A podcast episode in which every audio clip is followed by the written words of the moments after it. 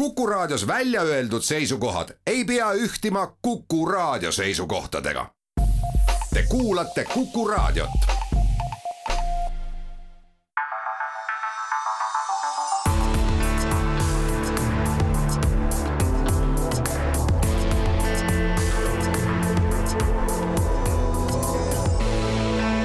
olukorrast ajakirjanduses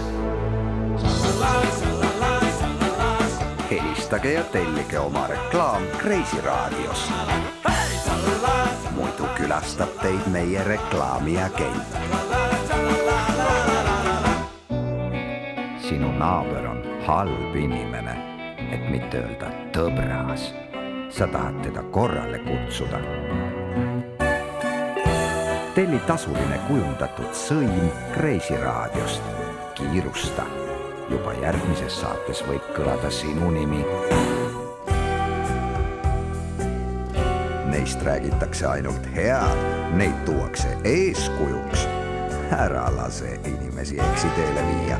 telli tasuline kujundatud laim Kreisi raadiost ja sa muutud teemantiks solgiämbris tere kuulama saadet Olukorrast ajakirjanduses. me leidsime arhiivist mõningad Kreisi raadio kõllid, mis me just eetrisse lasime.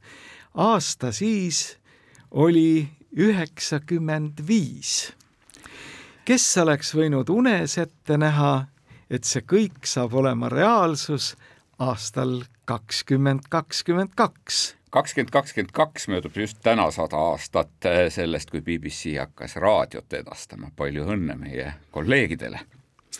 palju õnne, lugupeetud BBC, kust, kas teie oleksite kunagi võinud uneski ette näha, et Ameerika Ühendriikides aja, vaba ajakirjanduse kantsis on täna täpselt samamoodi aktuaalne see, et kas sa võid tellida tasutud poliitilist laimu reklaamiosakonnast.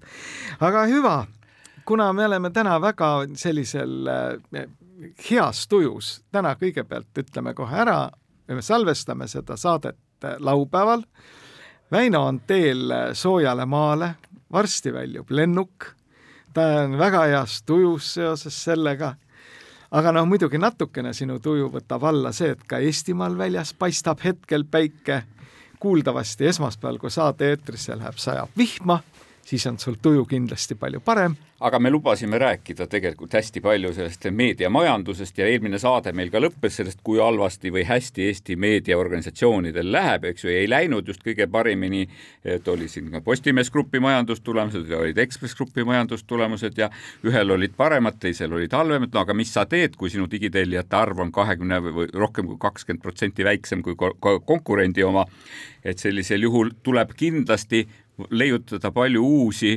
erinevaid ärivõtteid ja ärimudeleid, millega täiendavat tulu teenida, umbes nii nagu Twitter. meil on täna siin äh, omalt poolt tahaksime me anda mõningasi äh, nõuandeid. Nendele meediakontsernidele, kelle omanikud, nõukogud, juhatused nõuavad inimestelt, et noh, kuulge, vaadake, meil on ju asi kehv, eks ole et me peaksime nüüd hakkama ikkagi jaad võtma kõhu alt välja ja mingeid uusi vorme juurutama selleks, et kahjumist välja tulla. Rein Langi tasuta know-how tuleb nüüd. nüüd tuleb meie, meie anname täiesti tasuta muide nõu omaenda kolleegidele. no võta, hakkame siis otsast minema. tuleks käivitada uusi saatesarju, uusi, uusi formaate, täiesti uusi raha teenimise võimalusi. me keskendume muidugi rohkem ringhäälingule siin just, kuna me oleme nüüd nagu Kreisi raadio lainel, aga mõned nendest meie ideedest on kindlasti kasutatavad ka trükimeedias. meie esimene idee, me võiks võrdsustada kõikvõimalikud lahutusvaidlused nende kajastamise ajakirjanduses sisuturundusega ja hakata müüma selle kajastamiseks leheruumi või saateaega ja sealt võiks olla mingid kindlad reeglid. igal juhul üks asi on see, et tuleb sõna anda mõlemale poolele näiteks oleks ju väga tore vaadata õhtul telekanalis, kuidas muidu kaks advokaati üksteist sõimavad ja löövad üksteise võidu siis lauale mingisuguseid tõendeid. no selle lahutuse pealt raha teenimises ei ole mitte midagi uut, mulle tundub, et kusagil kuue, möödunud sajandi kuuekümnendate, seitsmekümnendatel ajalehes Õhtuleht ilmusid sellise, sellekohalised kuulutused, et kodanik see ja see soovib oma abielu lahutada, et kõik, kellel on kõik, kes midagi tahavad öelda, visaku esimene kivi jaa, aga ütleme, me, meie vormid, mida me pakume välja, üks on siis see, et võid lihtsalt, eks ole, näiteks pooletunnine saade. esimene stuudio, eks ju. esimese seal... stuudio asemel, see on hästi igav, eks ole, vaatame ka reitinguid, vaatajaid ei ole ülearu palju paraku. aga näiteks mõni kommertskanal võiks ju proovida, et samal ajal võiks olla siis kaks advokaati, annavad tuld teine meie ettepanek läheb natukene kaugemale, see on siis telemäng Lahutus see on äh, küll räpane lahutus võib-olla isegi, ma, ma, ma pakuksin kollasema pealkirja. ta on põhimõtteliselt sama, mis eelmine, et äh, siis kaks osapoolt äh, tõrvavad üksteist, kuidas jaksav, aga siis lüüakse kongi ja sõna saab ekspert Just. ja kui ekspert on oma jutu ära rääkinud, siis saab stuudiopublik hääletada. stuudiopublik hääletab ja, ja siis et auhind on siis, et see kogu pere vara jääb sellele, kes saab vaatajatelt kõige rohkem poolthääli või? näiteks ja kindlasti tuleks avada siis helistamisvõimalus, eks ole, et inimesed saaksid valida poole. et, et inimesed saaksid öelda, kuidas asjad tegelikult on. siis meil kolmas idee on tele- ja raadiomäng laste hooldusõiguse üle ja selles äh, võiks olla samamoodi, noh, et osapooled siis sõimavad üksteist, aga sealt saaks võtta intervjuusid alaealistelt lastelt see tooks kindlasti vaatajaid ja kuulajaid. et see kindlasti, kindlasti nagu aitaks äh, vaadatavusel ka kaasa, et, et kui sinna kaasata veel sellised stseenid, mida kirjeldas äh, möödunud nädalal Eesti Ekspress just, et mida tegelikult niisuguste halbade lahutuste juhus, et milliseid, milliseid võtteid osapooled äh, võtavad kasutusele, et vastaspoolt määrida. Ja tõepoolest seda nagu möönnud, et pedofiil ja koduvägivald on väga head, äh, väga head vahendid nagu võidu saavutamiseks, aga teisipidi ma arvan, et need ka pälvivad hästi palju televaatajaid, et tele- ja, ja raadiokuulajaid. Ja, ja loomulikult saame me seal kohal teha siis veel pärast äh, tegelikult siin siis nagu telehääletust ei tee, et siin võtame ikkagi uuringufirma, kes teeb telefoniküsitluse, et et mida televaatajad arvavad, et ku, mis seal kodus ikkagi toimus, et see oleks ja, väga täpselt. Ühiskonnauuringute Instituut teeb kohe ära. see tuleks täiesti kindlalt, kas, no umbes nii, nagu siin just läinud nädalatel oli nende kurikuulsate fotodega, mida keegi küll näinud ei ole, kuid millele eetilise hinnangu andmiseks esitati inimestele küsimusi ja inimesed vastasid ja loomulikult on selles tele- ja raadiomängust selle hooldusõiguse mängu juures, seal peaks olema lastekaitsespetsialist kaasatud. ja, ja, ja tegelikult, kui me nüüd oleme hooldusõiguse juures, siis no seal on ju selge, et mis, mis, mis nagu telemängu auhinnaks, et see hakkab meenutama neid Jaapani toredaid, toredaid telemänge, kus, kus tegelikult juba mõnedel juhtudel lapsendamisõigus on telemängu osa no nii ja sellega saaks kindlasti kahjumist välja. Siis eh, minul tekkis see mõte, et võiks kihlusmängu ka teha.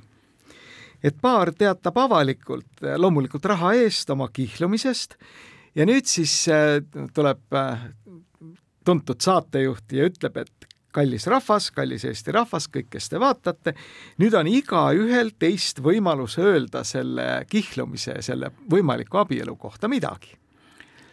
Mõtle, kus saaks nalja. ja seal saaks muidugi kaasata mitmeid eksperte, et ühtepidi politseieksperte, kes ütleksid, et kas nagu mõlema poole nagu kombeline pool on okei okay,, vaat-, vaatame, vaatame toimikutesse. no seal kindlasti... reaalajas võiks surfata politsei andmebaasides, eks ole. ja kas... siis kindlasti tuleks sinna kaasata ka tegelikult tervishoiuametnikud, kes ühtepidi vaatavad, et kas selle kihluse tagajärjel võiks sündida abielu ja sellest abielust, eks ju, võiks sündida viljakas, viljakas abielu, mille tulemuseks oleksid terved, igati terved ja, ja meie tulevikku ilusasti edasi viivad lapsed et see on tõepoolest võimalus. no seal on veel see võimalus, et eksperdid võiksid ennustada selle abielu tulevikku ka ajaliselt, et kui kaua see kestab ja, ja siis võiks nagu kümne aasta pärast või aasta pärast või mida iganes selle teema juurde tagasi tulla. Sellise..., sponsorite auhinnad võiksid sellisel juhul saaks kaasatada ka, ka kõikide toimetuste palgalisi astrolooge ja tarokaartide lugejaid ja, ja puuõnnest tuleks kusagilt välja ka veel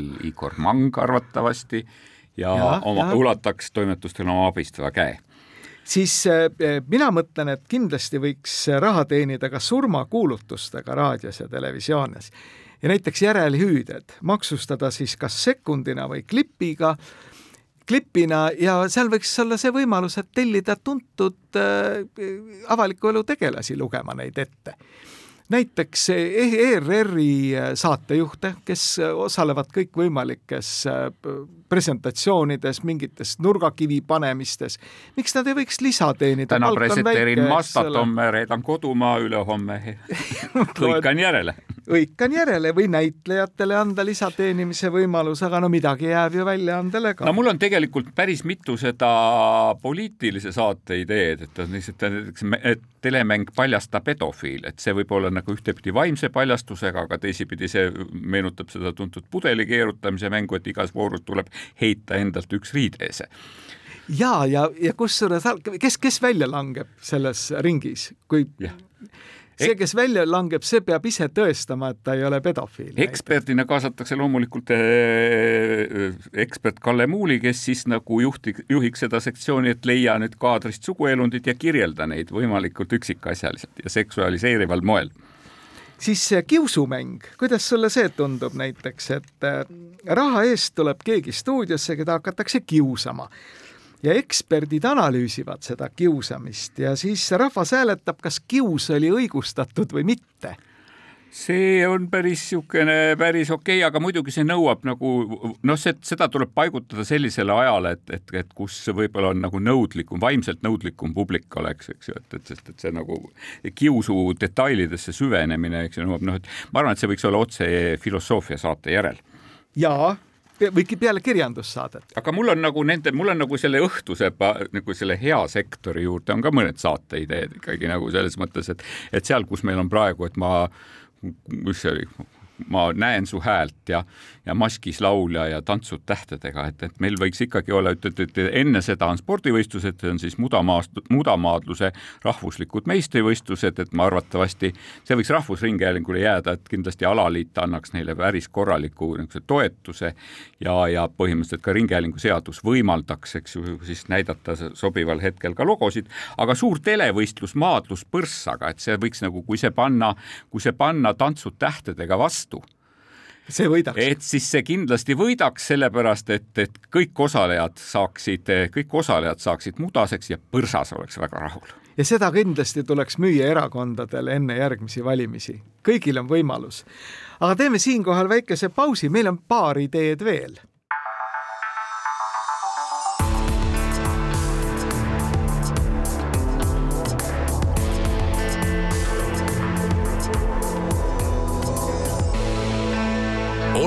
olukorrast ajakirjanduses.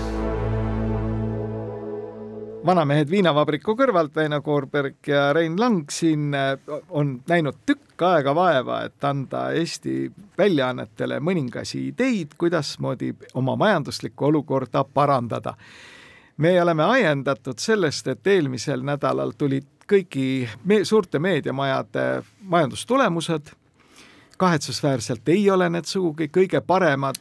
ei, kõige hullemad ei ole. aga ei ole ka kõige hullemad. Need on seinast seina aga meil, meil on neid ideid juba eelmises saate osas, me rääkisime siin sellistest asjadest nagu kihnlusmäng ja surmakuulutuste ettelugemine, järelhüüded muidugi laste sünni ja sünnipäevade kohta, et minu väike võsuke sai täna viieaastaseks, et seda võiks ka ikkagi müüa nagu erakuulutusena ja noh, mingi sada eurot ikka kulub ära.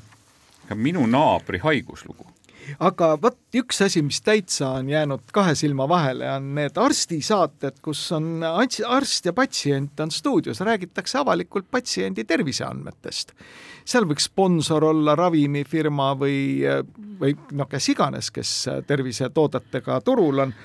Ja siis eksperdid võiksid hinnata patsiendi käitumist ja arsti tegevust eksperdid ütlevad, et kas see on eetiline või ei ole eetiline, näiteks tervisekaitseametnikud või siis äh, Tervise Arengu Instituudi spetsialistid hindavad ja siis on auhind välja pandud noh, ütleme, see on veel kasutamata maa tegelikult inimeste terviseandmete ettelugemine. Reinoga, no me oleme nüüd hästi pikalt neid igasuguseid ärimudeleid äh, siin rääkinud ja, ja mõned inimesed arvavad, et me oleme pisut võib-olla rumalaks läinud. viinavabriku kõrval ikka. viinavabriku kõrval, et nädalavahetus on meile kuidagi halvasti mõeldud, et miks me seda kõike räägime, et, et me ei taha väga pikalt vist võtta sõna selle Mihkelsoni kaasuse osas, kuigi vist peab no mina muidugi sain inspiratsiooni ka Eesti Vabariigi parlamendis toimunust mida meedia väga edukalt kajastas siin, kas oli põhjust mikrofon välja lülitada Martin Helmelt või mitte. sealt saingi mina selle, selle maadluspõrssaga Maadluspõrssa. Telemängu idee täiesti, et ma arvan, et see tegelikult võikski toimuda, võikski toimuda Riigikogu saalis. et ma siis ei tea, et kes on põrssa rollis, et aga ma kujutan väga hästi Jüri Ratast otse tantsusaatest tulemas ja seda maadlust pidamas ja kusagil on kindlasti täiesti seksualiseeritud olekus mikrofon kindlasti nähtaval kaadris ideid on meil kõvasti, nii et äh, kes tahab äh, meie ideedest lähemalt teada saada, meil on välja töötatud ja patenteeritud formaadid, pöörduge meie poole. aga no pilt on muidugi selles mõttes masendav, et äh, kui nüüd vaadata seda, millist tohutut tähelepanu tegelikult Martin Helme järjekordselt Eesti ajakirjanduses sai oma sigatsemise pärast sealt parlamendist ja no kõik kõik kirjutasid sellest, kuidasmoodi, mida oleks pidanud tegema Jüri Ratas, kas ta oleks pidanud mikrofoni välja lülitama või ta ei oleks saanud, Jüri Ratas sai pikalt seletada, miks ja ta, ta sai, ja ta sai rääkida, kuidas ta on saadikute sõnavabaduse poolt, eks ju, täpselt samamoodi sai peaminister Kaja Kallas sai näidata, et ta on õigel pool, eks. Sotsiaalminister Signe Riisalo sai näidata, et tal on süda sees, et siis tegelikult Martin Helme sai näidata, et ta võitleb rahu eest nii, et kivi ei jää kivi peale ja laste eest nii, et, et eh, ma ei tea, mis ei jää millegi peale enam, eks. ja siis pikalt, pikalt siis... käsitlused sellest, kuidasmoodi Riigikogu sekretäriaat toimetas Martin Helme sõnavõttu no huvitav, mida seal toimetada on, et see peab ju täpselt olema kajastatud, mida no, ta seal ütleb. ma nüüd kõige viimasel hetkel korraldanud, korraldanud ei olnud, et kui see alguses oli sõnasõnaline stenogramm, siis hiljem jäi sinna äh, kandilistes sulgudes märkus stenogramm veel ko koostamisel selle koha peal, et see tekitab tegelikult päris keerulise probleemi, sellepärast et kui Riigikogu saalis loetakse ette eh, delikaatset informatsiooni, mis ei ole avaldamiseks mõeldud ja öeldakse, et me ei avalda siin delikaatset informatsiooni, vaid me tsiteerime ühte raadiosaadet. et siis millega on tegemist? no hea küsimus, vaat Eesti konstitutsioon eh, annab saadikutele täieliku indulgentsi rääkida parlamendis ja tema organites mida iganes mustvalgel on kirjas, et saadikud ei vastuta õiguslikult avalduste eest, mida nad teevad Riigikogus ja selle organites.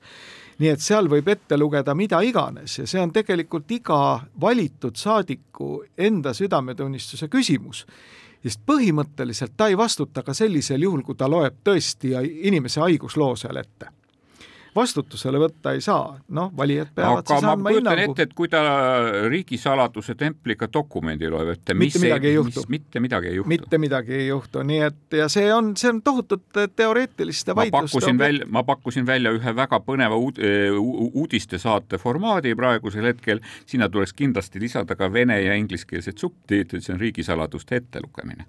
jaa, sekundi järgi käib arvestus, eks ole nii et mida keegi saab punase paberi kätte, siis äh, ostame seda. pärast seda saame teha ka teise jätkusaate, mille nimi on siis rahvusreeturite otsimine ja välisagentide väljakuulutamine. ja kindlasti kaasame eksperdid sellesse, kes siis annavad hinnangu, kas tegemist on eetilise käitumisega või mitte. aga kui tuleme korraks nende majandustulemuste juurde tagasi, et äh, mis seal salata Eh, natuke siiski valmistasid need mõlemad suured meediamajad nagu pettumuse, et mina näiteks lootsin, et see digitaalsete tellimuste kampaania veab meediamajad ikkagi natuke paremasse majanduslikku seisu, kui nad nüüd raporteerisid. nüüd väga keeruline on tegelikult anda hinnangut seda, et kas see kõik, mis on äh, majandusaasta aruandes kirjas, nüüd peegeldab täpselt seda organisatsiooni majanduslikku seisukorda. sest me teame seda, et seal on tegelikult hästi palju küsitavusi mingite väärtuste mahakandmisel ja ja mingite väärtuste üleshindamisel. aga see on umbes samamoodi nagu Eesti Energia üheksa kuu tulemused, eks ju. no enam-vähem. me, me oleme kuulnud möödunud nädalal nagu kolme erinevat, kolme erinevat versiooni sellest, et kas, kas Eesti Energia kasum üheksa kuuga oli sada kaksteist miljonit eurot, nagu nad esmajoones teatasid, või oli see kolmsada kuus koma kuus miljonit eurot või tulevikutehinguid arvesse võttes üks koma kaks miljardit eurot, eks ju, et avalikkus sai nagu väga segase signaali ja, ja noh, minul oli ka nagu seda lugedes küsimus, et, et millega on tegemist, et kas me valmistume praegu, valmistame ette sotsiaalset pinget valimiste ajaks, et siis nagu kuidagi see, kes toob, kes see, kes toob lahenduse, eks ju, tähendab, tuleb võidukaarikul või siis oli tegemist sellega, et tegelikult seesama maksudebatt on juba alanud ja me oleme nagu kaudselt maksustanud kõiki elanikke sellesama energia kaudu, sest et Eesti Energia omanik on Eesti riik, eks ju, seesama üks koma kaks miljardit tuleb ju teisipidi siiski riigieelarvesse tagasi, et me kasutame seda Kreeka meetodit, et kui, kui basseinide maksustamine ei õnnestunud, eks ju, et siis nagu lisasime, lisasime maksud elektriarvele ja sellest ei pääsenud keegi. jaa, vot see ongi, muidugi see sarnaneb sellele ärile, et müüa piiritust ja saadud raha maha juua, eks ole aga jätaks selle energeetika poole siit natuke kõrvale, et muidugi ajakirjandus peakski nüüd analüüsima natuke nende Eesti Energia majandustulemusi, et noh, et kuidas ikkagi nii saab minna, aga tuleks nende meediamajade juurde nagu tagasi. et see tulemused no olid natuke pettumust avaldavad või väljendavad, aga jällegi mingisugune positiivne nihe on ka nagu olemas. et kas see positiivne nihe on piisav? Mina oleksin tegelikult oodanud, et seda Covidi äh, pandeemiat, kus inimesed istusid kodus ja olid märksa altimad tarbima tegelikult ajakirjandust, et see oleks ajakirjandust aidanud natuke rohkem järje peale no,. aga saa, väga ei aidanud. ei, me ei saa tegelikult öelda, et kui me vaatame ju siis, kui me vaatame tegelikult mingit aasta võrdlust, siis Postimees väidab, et nende, nende digitellimused kasvasid kolmkümmend protsenti, tegelikult Ekspress Grupp väidab, et nende digitellimused kasvasid aastaga kakskümmend viis protsenti, see ei ole sugugi halb nagu numbri poolest, eks ju. et noh, kui me nüüd räägime tõepoolest, eks ju, niimoodi kasuminumbritest, siis noh, ka see on see, et kuidas see kasum kujuneb, selle üle võib vaielda, aga aga et noh, Postimehel käib see kuidagi üles-alla, üles-alla, et me nägime, me nägime üle-eelmine aasta või üle-üle-eelmine aasta nägime hästi-hästi suurt kahjumit, siis nägime kahjumi päris märkimisväärset kahanemist, nüüd me näeme jälle kahjumi kasvamist, eks ju, niimoodi, et, et noh, Ekspress Grupp on olnud natukene stabiilsem selles osas, mulle tundub. teeme siinkohal vist väikese pausi ja kohe jätkame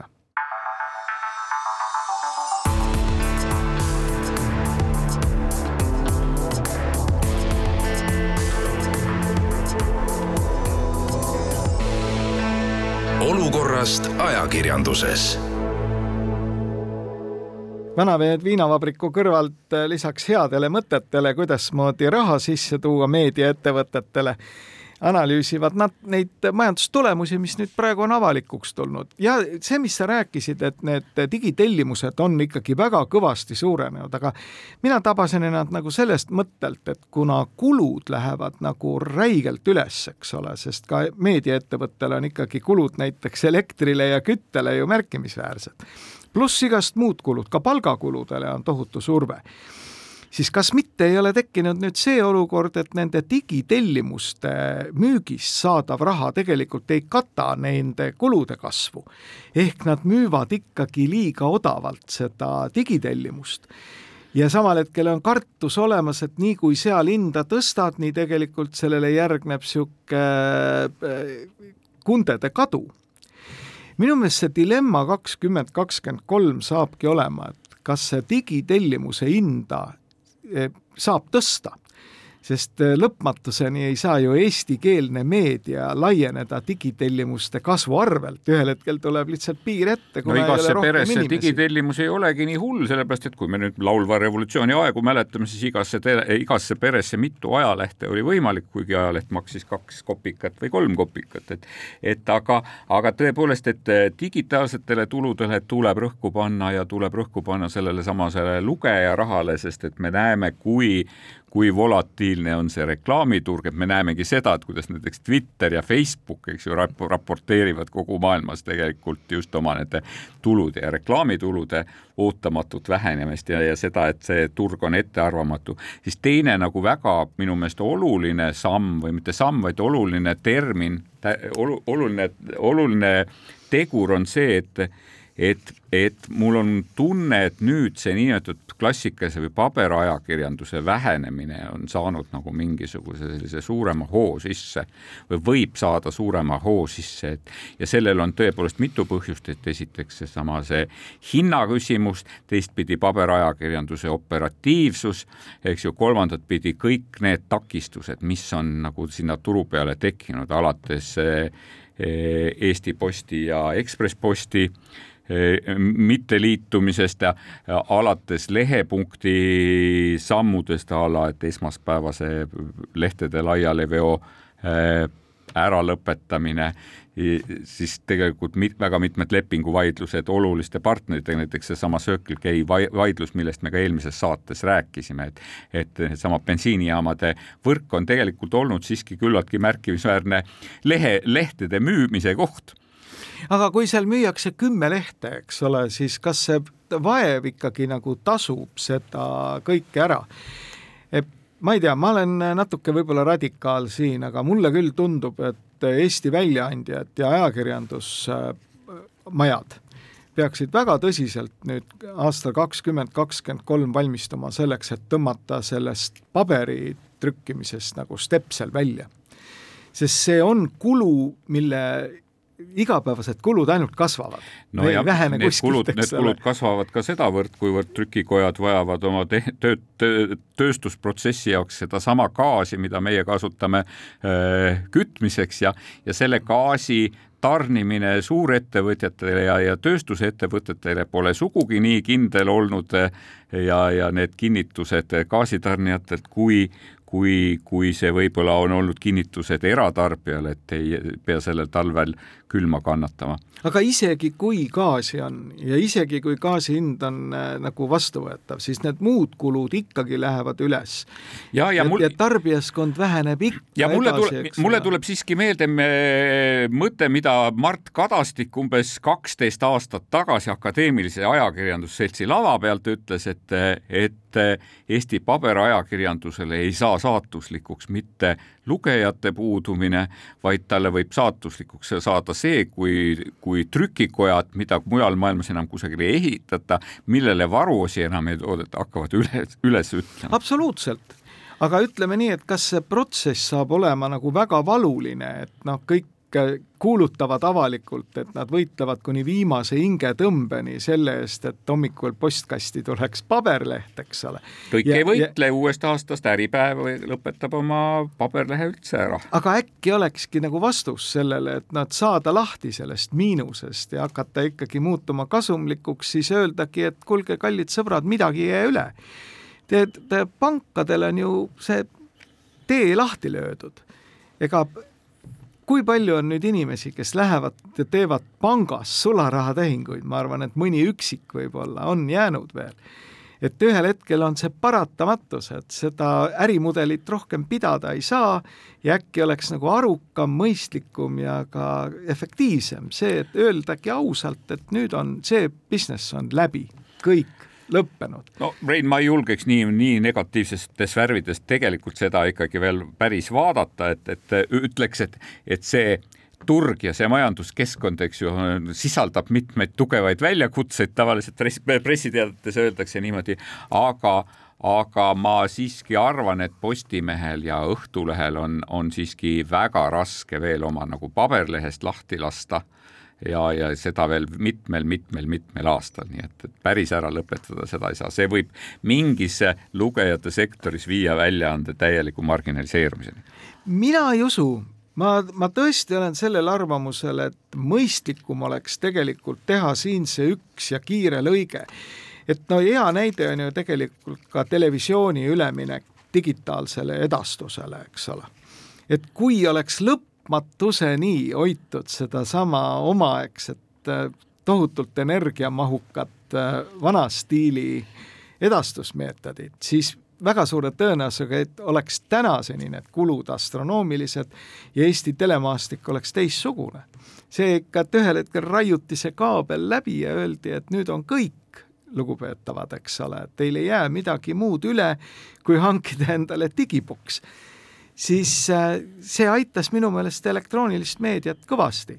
nüüd see traditsiooniline jah, kirja pandud ajakirjandus täna on minu meelest liiga kinni selles paberajalehes, kui ta veel paar aastat üritab küünte ja hammastega sellest kinni hoida ja ajalehti trükkida, siis meiesugused vaatavad jälle ühel päeval otsa nende majandustulemustele ja hakkavad nalja viskama ja annavad neile ideid, kuidasmoodi sellest olukorrast välja tulla. Rein, sa ei ole raadiot ja selle üleminekut digitaalformaadile sugugi puudutanud. ja, ja siin sa nagu..., mulle tundub, et sa ei ole niisama optimistlik. aga raadioga on vaat see lugu, et sellel FM lainealal edastamine ei ole sugugi nii kallis, erinevalt televisioonis, kus on öö ja päev võrreldes selle vana tehnoloogiaga ja nüüd siis digitaalse tehnoloogiaga, ega siis ilmaasjata täna ei saa näiteks Duo Meedia pidada lugematut arvu telekanaleid, eks ole, mida on küll igale maitsele. Et heal juhul, kui oleks neil kaelas see kohustus, et nad peavad vana stiili eh, kineskooptelekate huvides edastama ka läbi eh, õhu seda vana pilti siis nad ei saaks endale lubada seda Aga paljusust. mulle tundub, et seesama energiahindade kasv on üha rohkem toonud päevakorda ka selle digitaalraadio küsimuse ikkagi, sest et, et needsamad eda-, edastuskulud on siiski märkimisväärsed. ei saa öelda, et, et neid kulusid üldse olemas ei ole.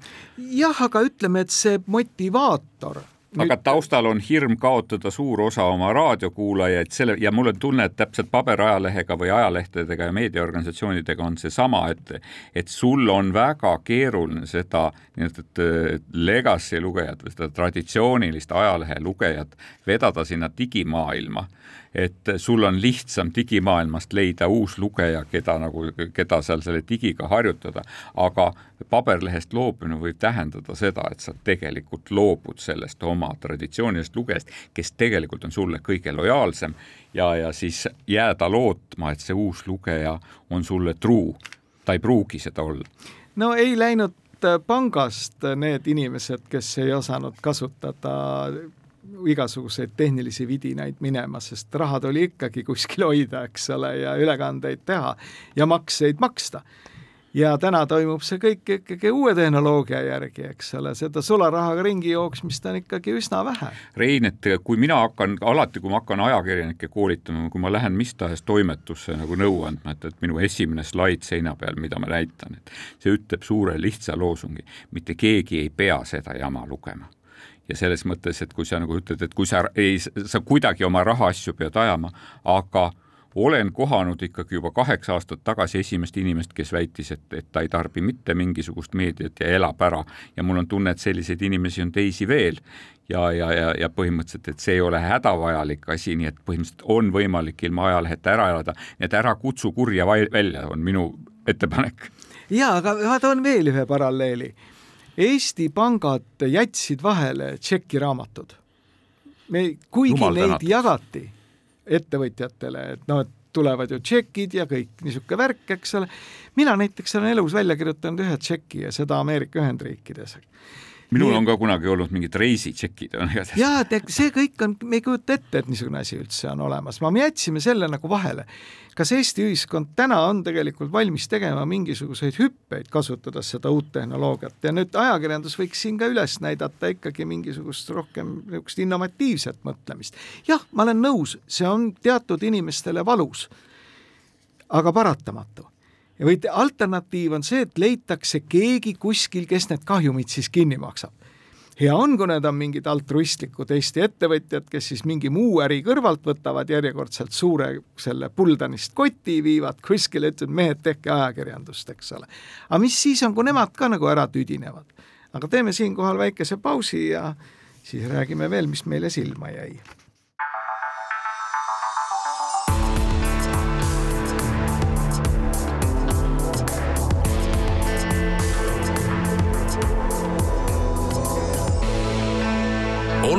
olukorrast ajakirjanduses. vanamehed viinavabriku kõrvalt saates olukorrast ajakirjandusest lisaks headele ideedele, kuidas välja tulla kahjumist, mida me oleme täna siin naljaga pooleks rääkinud ja, ja natukene ka andnud sellist hüva nõu, et äh, lõpetage see puude mahavõtmine ja paberi määrimine ära valgustaks natuke seda oma raadiokuulajaid, et mis meile veel silma jäi. no minule jäi muidugi igal juhul silma Vilja Kiisleri intervjuu Koit Pikaroga, kes on parim uurija. kes on igal juhul parim uurija, lihtsalt raadiokuulajatele teadmiseks, siin on nii, niisugune küsimus. ma peaksin sind nüüd seksualiseerival moel kirjeldama vist, et kuidas sa seda loed. ja mikrofon on ninale lähedal. et äh, ajakirjanik küsib, teie meetod oli tegutseda seaduste piiril või isegi natuke teisel pool piiri. oli see ajastuomane nähtus või pigem iseloomustas teie isiklikku käekirja? Koit Pikar vastab. esiteks, aeg vajas otsustavaid meetodeid. teiseks, minu enda viis. vahel pidasime kellegi kinni ja alles siis küsisime, kes on kes. kolmandaks tahtsin kolleege kaasa vedada, õpetada ja raskustega harjutada väga armas. väga armas, see läheb ilusti samasse pilti, et äh, politsei annab meile eetilisi hinnanguid ja me kiidame sellele ilusasti takka ja mis siis, kui kuule, lõpuks äh, ikka laastud lendavad, kui metsa raiutakse, mis ära ei ole. minul hakkas silma ikka nüüd, et mina sain lõpuks, nägin valgust ja sain aru, et miks mulle on mitu korda Eesti Televisiooni küll hommikusaadetes ja õhtusaadetes näidatud seda, kui hea on kaerapiim et kuidas seda, kui, kui, kui, kui, kui kehv valik on sellest ikkagi Eesti kaupluste lettidel, kui hea, kui hea see tegelikult ja kui kasulik see on ja nüüd ma nägin ka pikka, pikka lõiku sellest, kui sain aru, et Türil sai nurgakivi üks kaerajoogitehased, mida on neli Eesti ärimeest on teinud ja nad on, hakkavad tore, tootma toredaid tooteid, eks ju, et meile on seda kirjeldatud. et kõike need nägin jälle järjekordselt ETV ekraanil, siis oli see armas lugu keskkonnasäästlikust vesinikuautost, mis aitab, eks ju, inimestel vältida vältida sõiduteedel, sõiduteede ummistamist, seepärast tuleb ummistada, tuleb ummistada kõnniteed ja jalgrattateed, nagu seal telemaja ees juhtus parajasti, et, et, et inimesed pidid nagu autoteele minema mööda treppe kolistama, et sellest väga keskkonnasäästlik, säästlikust vesinikuautost mööda saada, aga, aga no mu süda sisuliselt ikkagi nagu härdus selle koha peal, kui ma nägin Ringvaates arearmast lõiku sellest, et kuidas, kuidas töötamine superministeeriumist, mille te temperatuur on üheksateistkümne kraadi peale magerdatud, on tõeline kangelastegu, et et meil on muidugi siin Kuku raadio stuudios, vaatan seina peal ka äh, temperatuur näitab kakskümmend kolm koma neli, on hea muidugi naerda selle üle, et aga aga et kuidas reporter käib ühe ministri juurest teise juurde ja, ja üks kirjeldab oma äh, kolmekordset riietust ja teine, teine kirjeldab oma pleedi, et see oli väga armas, et see oli nagu minu meelest üks kõige ilusamaid sisuturunduslikke asju, mida oleme näinud, et valimised on tulemas. see oli tõesti väga armas, loodame, et seda jätkatakse. ega siis need inimlikud kannatused, mida saab äh, Ringvaates Eesti Rahvusringhäälingus edastada, et kuskil on, kujuta ette, et töötemperatuur ruumis langeb alla kahekümne kahe tegelikult minule, minule, minule möödunud nädalast hakkas, minule hakkas silma Mari Männiko, vandeadvokaat Maru, Mari Männiko lugu Delfi meedias, kus ta, kus ta tegelikult arutles selle kohtupidamise nagu anonüümiseerimise või või, või salajaseks äh, muutmise e seaduseelnõu üle, mis on Riigikogu õiguskomisjonis arutelu all parajasti. Ja arutatakse seda, et kas, et me võiksime tegelikult avaldada äh, kõik äh, kohtu otsused, aga teha seda anonüümi, anonüümsel moel, nii et nimesid ei ole, aga ei ole seal ka ettevõtete nimesid sageli. et, et kas see on, kas see, kas see on hea ja kas meil seda oleks tarvis üldse ja, ja tegelikult äh, advokaat tõstatab mitu probleemi just nagu ajakirjanduse vaatevinklist, et kui me nendele dokumentidele ligi ei pääse, et siis ei saa avalikkusele informatsiooni nende inimeste kohta näiteks, et kes ei aja oma äri hoolsalt ja hästi, kes hoiavad kõrvale lepinguliste kohustuste täitmisest, kes kuritarvitavad oma õigusi. tegelikult, kui siin mõni aeg tagasi oli Akadeemilises Ajakirjandusseltsis arutelu Äh, ajakirjanike vaigistamise teemal, siis Tarmo Vahter tõi ka selle äh, märksõna välja, just see, et, et kohtu, kohtuinformatsiooni saab väga vähe ja, ja ta tõi näite selle just tegelikult planeerimisprotsessi juures, et kui äh, sa oled kodanik ja sa tead, sa näed, et kusagil sinu lähedal hakatakse mingit koppa maasse lööma, eks ju, tähendab, siis sa lähed linnavalitsusse uurima, millega on tegemist, siis öeldakse, et vot näed, meil on siin see mingi planeerimisprotsess, aga aga see on, vaidlus on kohtus, et me ei anna teile informatsiooni enne, kui kohus on jõudnud ots-, otsusele. kui sa lähed ja proovid, eks ju, kaevata seal kohtusüsteemist, siis sulle öeldakse täpselt samamoodi, ja mis see sinu asi on, eks ju. ja, ja isegi seesama avaliku huvi defineerimine selles osas on väga keeruline, et et ja siis jõuabki see, et, et avalikkuse kaasamine on pärast seda, kui viimane kohtuinstants on haamriga vastu lauda virutanud, et, et kas see on õige? no mina olen korduvalt äh, siin avalikult ka öelnud, et ja samas saates, et äh, ma ei kiida heaks seda kohtutes täna tekkinud suundumust asja võimalikult äh, kinniseks teha, aga ma saan sellest aru ja ma kujutan ette, et näiteks selles äh, Marko Mihkelsoni pildiskandaalis, kus nüüd siis parlamendis loetakse ette kohtusse esitatud dokumente, mul ei ole mingit põhjust täna arvata, et see on kohtust lekkinud, see võib olla tulnud ükskõik kuskilt mujalt, mingitelt menetlusosalistelt näiteks. Aga noh, suur kahtlus on ka kohtusüsteemis endas, et kohtusüsteem on tilkunud ja, ja mis on väga halb et ütleme, kohtunikud on läbinud väga suure sõela, enne kui nad ametisse saavad ja Eesti kohtunikud on väga selgelt seda meelt, et nende ülesanne kaitsta üksikisiku mitte ainult põhiseaduslikke õigusi, vaid ka nende au ja väärikust, siis kui mingid materjalid kuskil lekivad ja põhjendamatult hakatakse levitama isikuandmeid, siis kohtunikud on põhjendatult vihased ja see on tegelikult põhjustanud selle nagu põletikulise suhte ajakirjanduse ja kohtu vahel. kui me võtame näiteks selle näite, mis sa tõid, et nüüd ei saa enam informatsiooni kätte Tallinna linnavalitsusest mingit konkreetset planeeringute kohta, siis see on nagu täielik jama sellepärast et planeeringud no, aga kui selle planeeringu üle käib vaidlus, no oletame ja... näiteks nagu käib vaidlus praegu ERR-i uue telemaja üle, et kus naabrid on kaevanud selle, sellepärast et et ma ei tea, valgust ei paista ja õhtu, õhtupäikest pole enam üldse näha.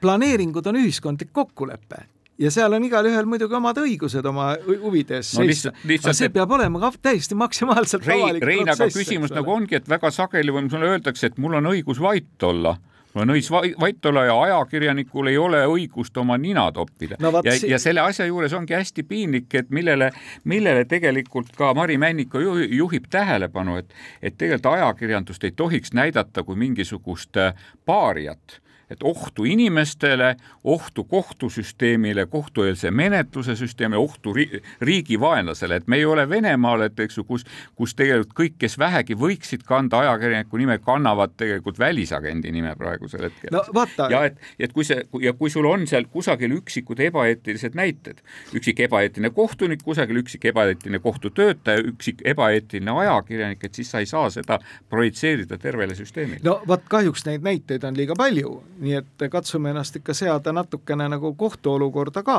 aga kohus peab nüüd ühte asja küll arvestama, et kui ta oma tegevuses hakkab tegema ajakirjandusele piiranguid ja ajakirjanikud hakkavad siis nende peale näpuga näitama, siis saavad sellest julgustust ka kõikvõimalikud näiteks omavalitsused, kus te see, et omavalitsus on pööraselt huvitatud, et planeeringutega olev asi on maksimaalselt avalikkuse huvi eest väljas, see on täiesti mõistetav. Sellepärast, et avalikkus ja avalikkuse huvid ja avalikkuse esindajate huvid segavad ametnikke töötamast. aga sellepärast need peavadki olema avalikud.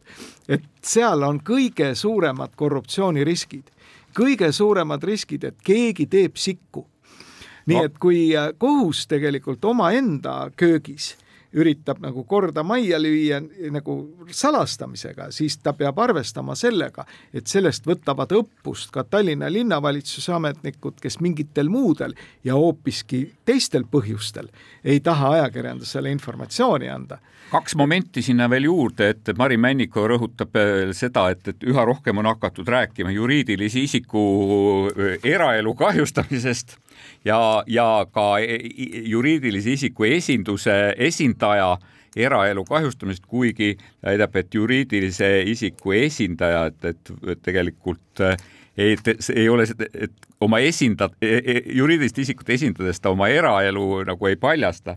ja teine, ja teine märksõna selle asja juures tahtsin ikkagi ära mainida Kaarel Tarandi kes, kes Vikerraadios Äh, esitas loosungi kogu maa kindralstaabile, ütles, et okei okay,, et kui me räägime omavalitsuste planeeringutest, on üks asi, aga kui me räägime riikliku tähtsusega planeeringutest, eks ju, siis on reeglid sootuks teised ja kodanike võimalus sellel teemal kaasa rääkida, äh, kuhu laieneb kas või seesama Nursipalu harjutusväljak, eks ju, on väga keeruline, ta ütleb, et riigikaitsel on taga teistsugune jõud ja hetkest mil kaitseplaneerija näpp kaardil peatub, on ka lõpptulemus selge.